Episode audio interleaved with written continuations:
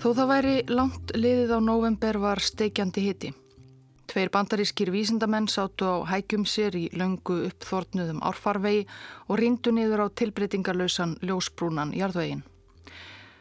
Þegar þeir hafðu verið að í meira en tvo tíma og voru í þann mund að gefast upp fyrir hittanum kom annar þeirra auga á nokkuð, nokkuð sem líktist mannabeini, handlegg.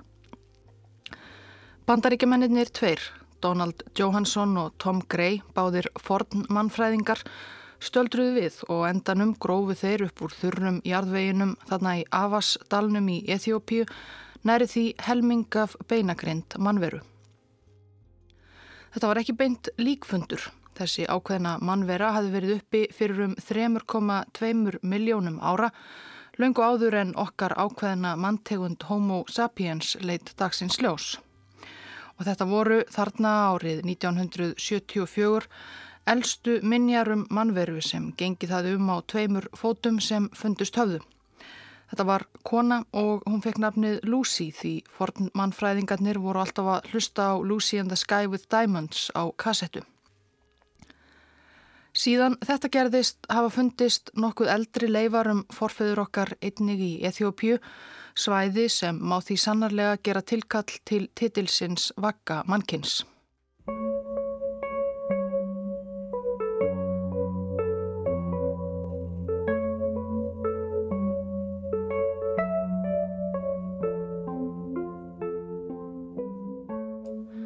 Þarna í november 1974 þegar bandaríkjamennir dustuðu miljón ára gamalt rikið af beinum Lucy voru bara örfáar vikur frá sögulegum atbyrðum nokkur hundruð kílometra í burtu.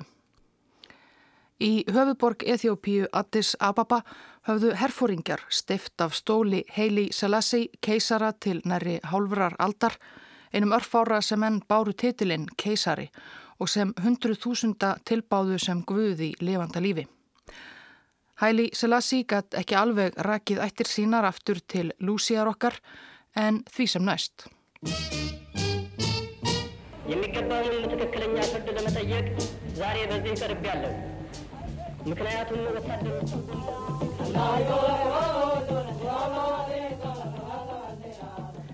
Eþjópía dagsins í dag er stort land, tíunda stærsta land Afriku og það er fjölmennt. Nú búa þar um 110 miljón manns sem gerir það að tólta fjölmennasta landi heims og það fjölmennasta sem ekki á neyn landamæri að sjó og Eþjópíumannum fer sífælt fjölgandi.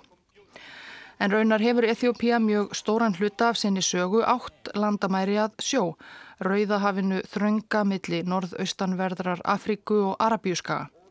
En það landsvæði sem kallast Eþjópía hefur tekið miklum breytingum í tímans rás. Nú á dögum eru landamærin Eritrea til norðurs, Djibouti til norðausturs, Eritrea og Djibouti eiga ströndað Rauðahafinu, Sómalía til austurs, Kenya til söðurs, Suður Sútan til vestur og Sútan til norðvesturs. Þetta stóra land rúmar auðvitað ímiskonar landslag, eðimerkur og hásléttur, frjósum gróðurlönd og mikil fjöll og dali. Hluti hins mikilfenglega landslags Sigdalsins mikla, þar sem Afrikuflekin, Arabíuflekin og Indlandsflekin mætast, er í Eþjópíu. Og saga þessa landsvæðis er ekki síður mikilfengleg.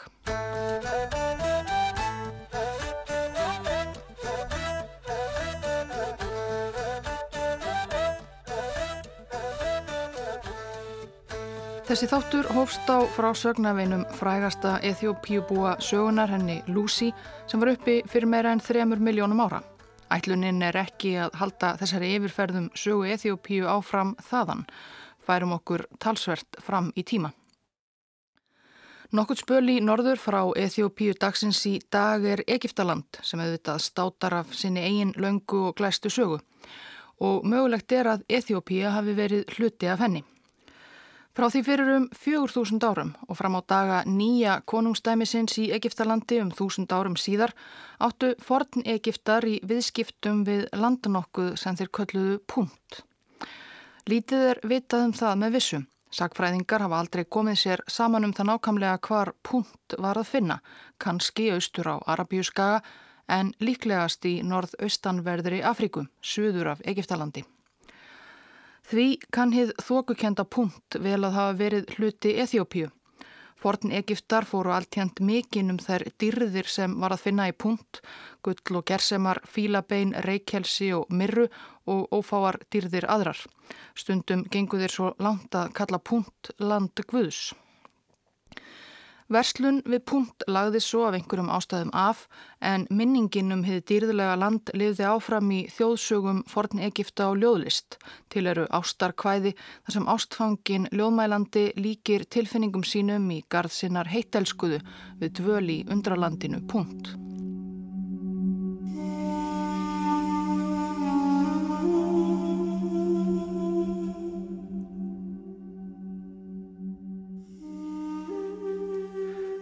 Við vitum að á áttundu öld fyrir okkar tímatal eða einhver staðar þarum byll þegar Egiptalandið forna var í Nignun var þar sem nú er norðanverð Eþjópía og grannríkið Eritrea við strendur Rauðahafsins konungsríkið dimt. En um dimt er í raun lítið vitað. Þó er talið að það hafi verið í talsverðum samskiptum og viðskiptum við samfélög manna hinumegin við Rauðahafið á sunnanverðum Arabjúskaga. Rauðahafið er ekki nema tæpir 40 kílometrar þar sem það er þrengst og líklegast lengi verið mikill samgangur millir stranda þess. Allavega töluðumenn í dimt tungumál skilt þeim semitísku tungumálum sem þá voru töluð á sunnanverðum arabíuska tungumálið GES. Allt þetta skilt arabísku dagsens í dag. Þetta var löngu fyrir uppgang Íslams trúar og arabíuskaga voru Ímis lítil konungsríki og samfélög. Eitt þeirra sem talið er að hafi verið í hvað mestum samskiptum við þið forna dimt hínum einn við Rauðahafið hétt Saba og var einhver staðar á suður 8 Arabíuskaga þar sem nú er Jemen. Þetta konungsríki Saba er gerðan í dag tengt við fræga sögu úr fyrri konungabók Gamla testamentisins um drottninguna auðugu af Saba sem kom með mikið föruneyti og úlvaldalest klefjaða kryttum, gulli og gimsteinum til Jérúsalem á fund Salomons konungs þegar sá var í þann mund að byggja hófsitt mikla. Hversu mikil sannleikur er í þeirri sögu er eins og með flesta þá atbyrði sem líst er í Gamla testamentinu óvist Hver drottningin af Saba var í raun, hvort hún var yfirleitt til, er alls ekki víst. En góðsögnin um hana lifir og sérstaklega hefur hún verið þjóðum Eþjópíu hugleikinn í tímans rás.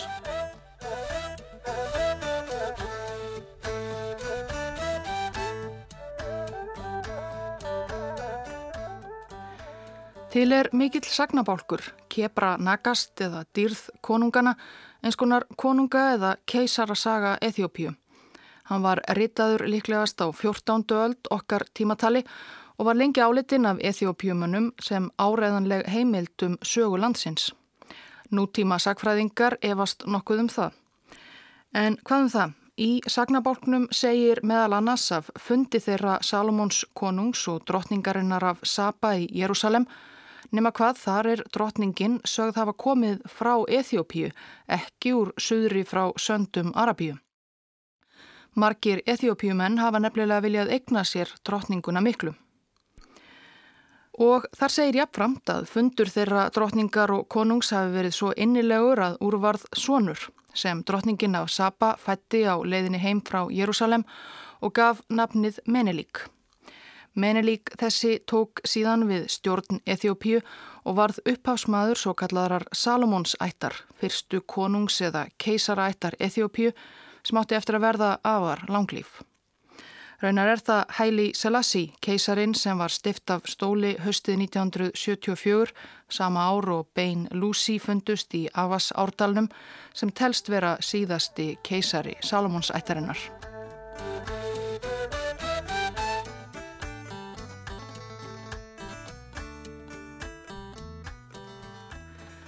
Hvað er hæft í þessari upprunasögu Salomons ættarinnar er jafn óvíst og flest allt um þau skötuhjúin drotninguna af Saba og Salomon konung. En ef við höldum okkur sem næst staðreindum leið þið dularfulla ríki dimt þar sem nú er norðanverð Eþjópia undir lok eftir einhverjar aldir. Í stað þess leitt svo dagsinsljós annað ríki. Það var cirka á fyrstu öld okkar tímatals sem kallað var Aksumveldið eftir samnefndri borg miðpunti ríkisins sem stendur þar sem nú er tígra í hér að nýrst í Eþjópju.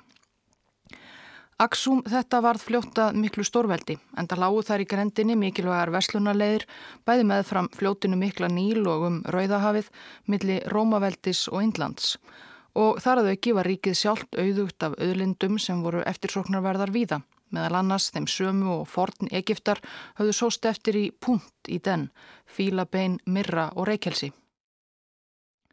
Konungar Aksum lögðus líka í mikla landvinninga og tókst að leggja undir sig allt hálendi norðanverðrar Eþjópíu þar sem byggu ímsar þjóðir og þjóðar brot sem urðu hluti hins semitísku mælandi veldis. Á þriðju öld voru konungar Aksum farnir að kalla sig ekki bara konunga heldur konunga konungana. Síðar var notast við orðið keisari.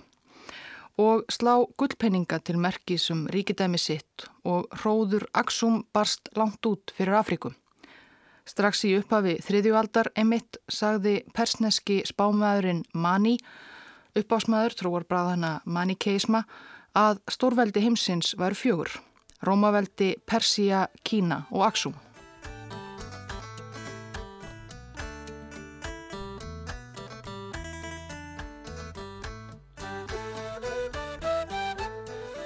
Við vitum annars ekki svo mikið um sögu Aksumveldisins því konungar Aksum og þegnar þeirra skildu ekki eftir sig neinar ritaðar heimildir utan örfára orða sem rist eru á gullpenninga. Það er frásagnir sem við höfum þaðan eru úr erlendum ritum eins og þessi.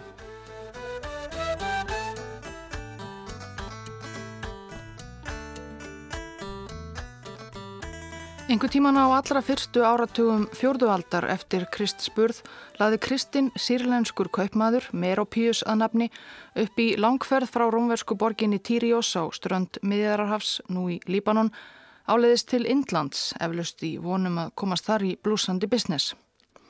Með sér í ferðina hafði hann tvo unga síni sína þá Frumentius og Edesius.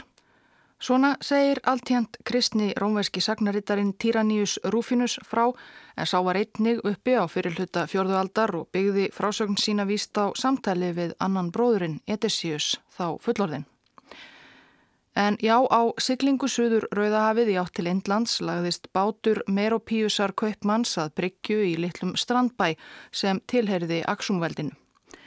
En ekki fór betur en svo að ílskeittir bæjarbúar réðust af einhverjum ástæðum að fleginu og slátruðu öllum um borð, mér á Píusi þar á meðal. Nema drengunum hans tveimur, Frúmentíusi og Edesíusi, sem höfðu farið í land til að lesa undir tré. Drenginnir voru svo fluttir til höfuborgarinnar Aksum og gerðir að þrælum Aksum konungsins Ella Alata.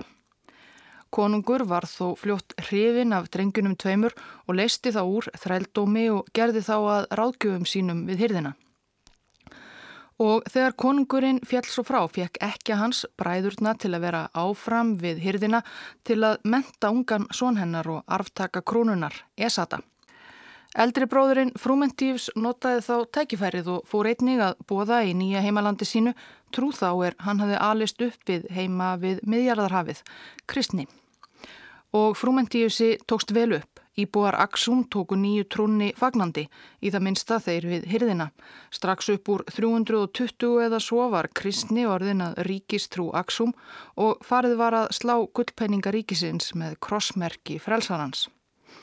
Aksum í Afríku var þannig annað landið til að taka kristni upp sem ríkistrú.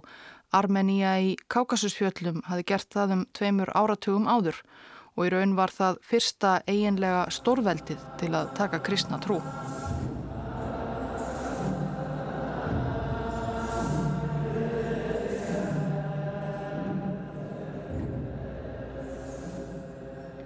Þegar veldi Aksum var hvað mest að náði það yfir talsverðan hluta norðaustanverðarar Afríku, það svæði sem nú er norður Eþjópía og grannríkið Eritrea.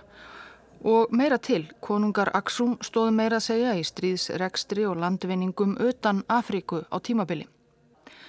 Í upphafi sjöttualdar okkar tímatali fór Kaleb konungur í Aksum með hersinn þessa nokkra kílometra yfir Rauðahafið á suður 8 Arabíuskagans þar sem þá var jemenska konungsríkið Himjar.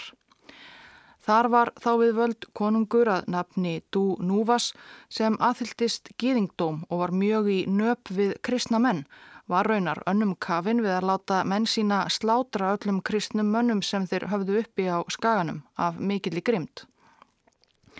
70.000 aksumhermenn voru sendir yfir Rauðahafið að bjarga trúbræðurum sínum og ráða niðurlögum gýðingakonungsins. Það var við ofurrepli að etja og Dúnúvas gekk í hafið þegar útséð varum ósigur hans. Aksumveldið hafði svo lengi á eftir veruleg ítök og reð talsverðu landsvæði í sunnanverðri Arabíu. En nokkrum áratugum eftir að Kaleb konungur Aksum hafði rakið Dú Núvas á Havút reyndi landstjóri Aksum í Jemen að sölsa undir sig enn frekara landsvæði á Arabíuskaga. Eþjópiskur herr marseraði í norður í áttað borginni frægu Mekku sem þá hafði ekki öðlast sinn Helga Sess enn en var þarna ein af mikilvægustu verslunarborgum á söndum Arabíu. Með í för voru einnið að fleiri stríðsfílar sem sendir höfðu verið austan úr Afríku og yfir Rauðahafið til að stappa niður alla ansbyrnu. En þegar skeppnutnar nálguðust borgarmúra mekku segir sagan að þeir, fílarnir, hafi neitað að stíga skrefinu lengra og fyrirhugud innrás því fallið um sjálfa sig. Æg síðan hefur árið sem þetta kuð hafa gerst, árið 570 eftir Krist, verið kallað ár fílsins í íslamskri sagnaritun en kannski ekki síst vegna þess að nokkuð annað merkilegt gerðist þetta sama ár á Arabíuskaga. Jú, árið 570 fættist einmitt í Mekku drengur sem síðar varð kaupmaður. Vann við úlvaldalestinnar sem fluttu varning frá Jemen og upp Arabíuskagan til þess sem nú er Sýrland og þaðan lengra út í heim og þegar hann varð svo fertugur og var við hugleiðslu í hellin okkurum fyrir utan heimaborg sína byrtist honum erki engillin Gabriel og sagði honum að hann fertu í kaupmaðurinn Múhameð væri síðasti spámaður drottins. Vitranirnar örðu svo miklu fleiri og Múhameð varð upphafsmaður trúarbræða þeirra sem jafnum kallast Íslam. Nýja trúin fór eins og stormsveipur um Arabíuskagan og svo miklu víðar. En það er önnur saga. Eftir hinn að mísefnuðu árás ethiopísku hermannana og stríðsfílanna á Mekku á ári fílsins hrundi veldi Aksum í Arabíu fljótlega af einhverjum ástæðum. Landvinningamenn Aksum hörfuðu aftur yfir Rauðahafið í örugt skjól í heimahögum sínum. Sem fyrr segir vitum við ekki nákvæmlega allt það sem gekk á í Aksum þar sem heimildir eru litlar sem engar. Við vitum að stórveldið gamla í norðaustanverðri Afríku hjælt sinni kristnu trú en með fram uppgangi Íslams trúar hinum eigin við Rauðahafið einangraðist Aksum. Rómaveldi kvarf af heimskortinu og verslunarleiðir breytust með fram því sem veldi múslima var stærra og stærra. Múslimar reyndu líka að gera sig gildandi við vesturströnd Rauðahafs svo að þjóðarbrott þau sem myndað höfðu Aksumveldið hörfuðu lengra inn í landið upp á háslétturnar. Landsvæði Aksum skrapp saman og ríkidæmi þess fjaraði út, kannski einnig af öðrum ástæðum sem eru okkur ekki fyllilega kunnar. Gullaldarskeiði Aksum var alltjent að ljúka.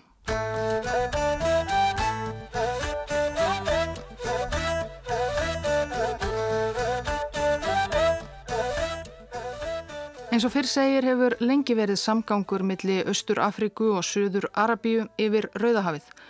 Návið hafði áhrif á bæði samfélög en ekki bara þau heldur líka á heimsöguna. Og þó kom þar ekkert stríðviðsögu og engin konungur. Miðpunktur Aksumveldisins var í norður hluta þess sem nú er Eþjópía en í suðvestur hlutanum er fjöllót hálendi og sumuleiðis skóar þar sem lengi hefur vaksið vilt ákveðin heiðgræn planta. Planta sem verður á bylinu 9 til 12 metrar á hæð og þrýfs best í skugga stærri plantna og trjáa í skóunum. Á plöntunni byrtast með tímanum smágerð, hvít, blóm og loks lítil ber sem fyrst eru græn og verða síðan rauðleit þegar þau þroskast. Inn í hverju beri eru svo tvö fræ eða bönir eins og við kallum þau því þetta er kaffiplantan Coffea arabica eins og hann heitir upp á latnesku. Engin veit með vissu hvenar maðurinn uppgötvaði hérna frægu undraverðu eiginleika þessara litlu fræja sem eru frekar ómerkilega að sjá. eða hver af þeim mörgu þjóðum og þjóðflokkum sem flækjast um hálendi söðu vestanverðrar Eþjópíu varð fyrst til að veita henni aðtikli. Það er reyndar til þjóðsaga um það hvernig maðurinn uppgötvaði kaffið í fyrsta sinn. Hún er líklega ekki sönn en látum það vera í þetta sinn.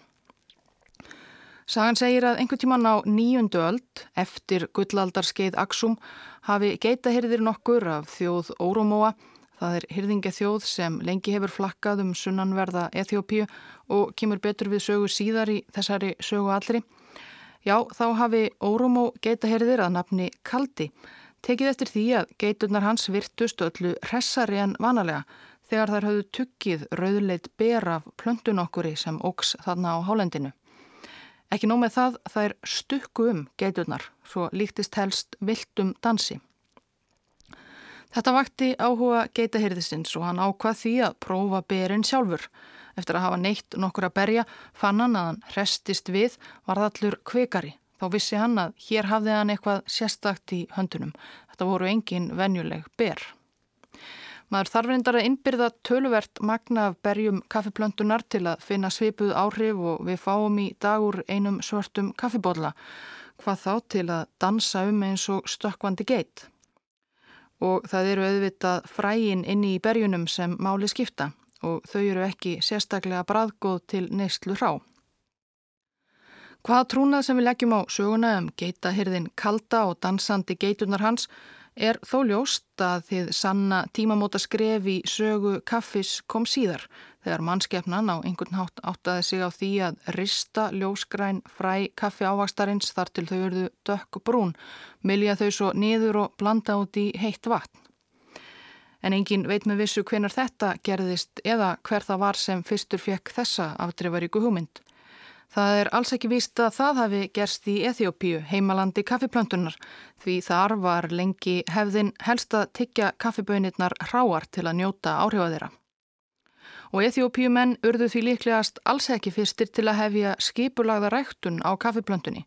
Líklegast voru það íslamskir kaupmenn sem fyrstir fluttu kaffibönir yfir Rauðahafið til Jemen og það var í frjósumum jarðvegi Jemens sem hinn fyrsta eiginlega kaffirækt hófst og frá Jemen sem kaffið, brent og bruggað breytist svo um hinn íslamska heim og þaðan um alla jarðarkringluna. Eþjópjumenn mistu þannig eiginlega af lestinni að nýta og bera út fagnaðar erindi þeirra eigin undraplöndu. Margar aldir liðu þar til skipulöð kaffirækt var hafinn í Eþjópju en það bannaði Eþjópíska kirkjan lengi kaffineistlu í hvaða formi sem var. En nú á síðari árum hafa Eþjópiumenn endur heimt sess sinn sem kaffið þjóð meðal þjóða. Kaffi er nú einn mikilvægasta útflutningsafurð Eþjópiu og Eþjópíst kaffi lofað og prísað af kaffisnopurum um heim allan. Hið eina og sanna og fyrsta.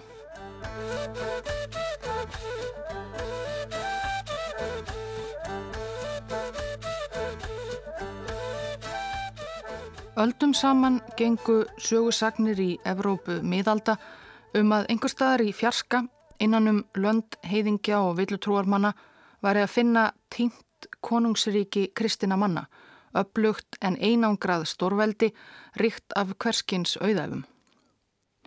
Ríki þetta átti samkvæmt sögusögnum sem fóru um hinn að kristnu Evrópu á 12. öld að lúta stjórn Mikils konungs sem kallaður var Prestajón og var stjórnspekingur Mikill og trúmaður mögulega afkomandi spámananna þryggja sem vitjuðu frelsarans í jötunni. Já, allavega eins þeirra þá. Um árið 1165 komst í dreifingu rít sem átti að vera bref frá prestajóni þessum til bísanskeisara Manuels I. Í brefinu fór prestajón mikinn um ríkidæmi sitt og völd. Brefið var nær örglega falsað en gerði það verkum að margir í Evrópu hugsuðu um ríki Prestajóns sem einskonar útópíu og konungin sem mögulegan bandamann jáfnvel bjargvætt í stríðum kristina manna og múslima. En hvar var þetta týnda gósenland kristindómsins? Það voru menn ekki vissir um. Í brefinu til Bísans keisara voru ítarlegar lýsingar á landslægi en engin leiðarlýsing fyrir þá sem vildu heimsækja Prestajón. Lengi vel töldum en helst að það væri einhver staðar í austurvegi, mögulega á Indlandi eða einhver staðar enn austar. En þegar leiða á miðaldir komust æfleiri á þá skoðun að ríki Prestajóns væri heldur að finna í suðri, í Afríkum. Nær örugt er að þær sögur fóru á kreik vegna óljósara minninga og sögursagna í vestri um Kristið ríki í austanverðri Afríku við strönd Rauðahafsins Það var jú hið forna Aksum í Eþjópíu sem hafði þarna á 12. öld mist mikið af sínu landsvæði og fyrri dýrð og ríkidæmi. Hinn gamla Aksum hirð hafði hörfaði söður upp á hálendið þar sem hirðingja þjóður eins og órumóðþjóðin, svo sem kannski fyrst uppgötuði kaffið, réður ríkjum, en enn lifiði eitthvað eftir af hennu gamla stórveldi.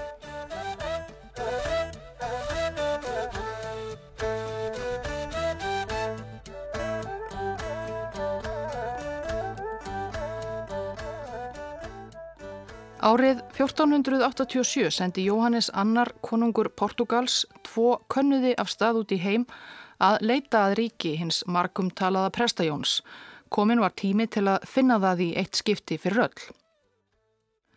Annar portugalsku landkönnuðana lést á leiðinni í Östurátt en eftir mikla langferð fyrst til Indlands, svo um Arabíuskagan Þveran og meira segja um Borgina Helgu og forbóðnu Mekku komst hinn Portugalin, maður að nafni Pero da Covilla, alla leið yfir Rauðahafið og inn í norðaustanverða Afríku. Til Eþjópíu sem sé, þar sem hann fann fyrir greinilega gamalt og traust konungsríki þar sem menn játuðu kristna trú og því taldi hann sig auðvitað hafa fundið ríki hins mikla prestajóns.